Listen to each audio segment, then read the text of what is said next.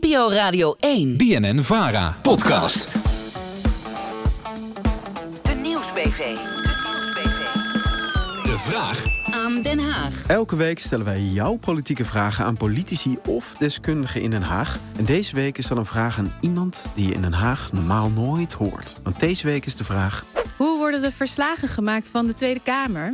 de verslagen, de handelingen zoals ze officieel heten, worden gemaakt door de verslagleggers die geruisloos en haast onzichtbaar tijdens debatten de zaal in en uitglippen.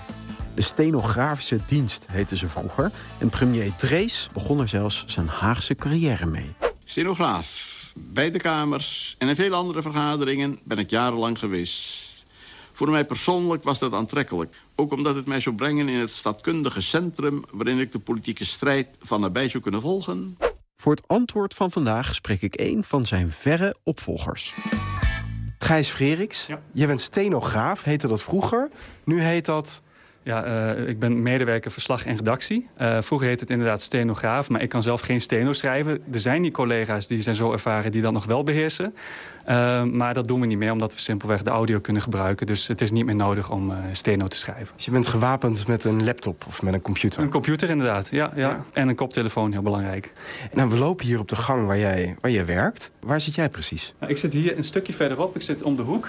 Ja. Eh, mijn collega is er op dit moment niet. Eh, die werkt in de Eerste Kamer, want wij werken niet alleen voor de Tweede Kamer, ook voor de Eerste Kamer. Ik zie gewoon een kantoor, een van de vele hokjes in de vele gangen van dit betonnen complex. Ja, ja, ja, ja.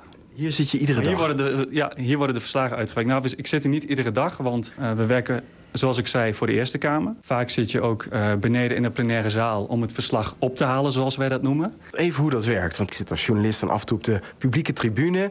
En dan zie ik om de haverklap zie ik jou of een van je collega's binnenlopen. Geruisloos, stil, eigenlijk valt het niet op. En na een paar minuten ben je weer weg. Hoe werkt dat? Ja, jij zegt eh, om de havenklap wisselen we elkaar af. Dat is tegenwoordig iets anders. Vroeger eh, losten we elkaar inderdaad heel snel af. We zaten ook in het midden van de zaal. Wat we tegenwoordig doen, en dat is misschien iets rustiger... is dat eh, voor een bepaalde dag worden de vaste uh, markeerders... zoals we dat noemen, aangewezen. Dus eigenlijk zou ik het beter kunnen vertalen als registreerders. Dus zij, gaan beneden, zij gaan, ze zitten beneden in de plenaire zaal. Vaak denken mensen, ja, zij werken daar het verslag al uit. Een soort kladversie. Zo moet je het zien. En wat zij ook doen is als er bijvoorbeeld een motie wordt ingediend... moeten zij dat even uh, selecteren. Als er een motie wordt overgenomen... En als er bijvoorbeeld een groot lachsalvo is in een plenaire zaal... dat komt nog wel eens voor...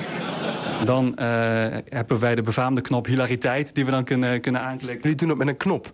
Inderdaad, er, zijn, er is een knop voor. En uh, we hebben ook een knop voor uh, geroffel op de bankjes en dat soort zaken. Ik kan het je volgens mij laten Kun je zien. laten zien? Ja, je moet dan even een verslagdeel openen. Ja. Ja, dit is het systeem. het heet FLOS, het verslagleggingssysteem. En Um, hier zie je dus verslagdeel 1, verslagdeel 2. Op dit moment zijn de mensen beneden in de plenaire zaal. Ja. En die hebben, zoals je ziet, beurten van vijf minuten audio. Die hebben ze toegewezen aan mensen die hierboven aan het werk zijn. Ja. En die moeten ze eigenlijk gewoon helemaal goed uitschrijven? Ja, um, de verslagleggers hierboven die hebben in principe ongeveer 45 à 50 minuten de tijd. Om vijf minuten om uit te minuten schrijven? audio uit te werken, ja. In de praktijk zitten meestal wel een minuut of vijf tussen. En dan wacht inderdaad de volgende beurt. Dus het kan inderdaad zo zijn dat je hier wel echt urenlang achter elkaar uh, aan het tikken bent. En het tikken bent, ja. Dus je vindt, het, je vindt dat uitwerken van audio uh, ook waanzinnig leuk. Anders hou je het niet vol natuurlijk. Je moet, uh, mensen die hier solliciteren zijn politiek ontzettend geïnteresseerd. Ja. Ze hebben vaak een talige achtergrond. Er lopen hier allerlei collega's rond die, die, die, er wel, die wel een taal hebben gestudeerd.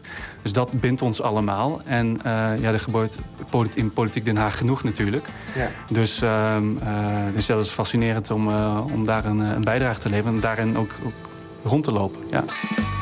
Heb jij nou ook een vraag aan Den Haag? Mail die dan naar de nieuwsbv politiek apenstaartje bnnvara.nl. En wie weet hoor jij je eigen vraag terug op de radio.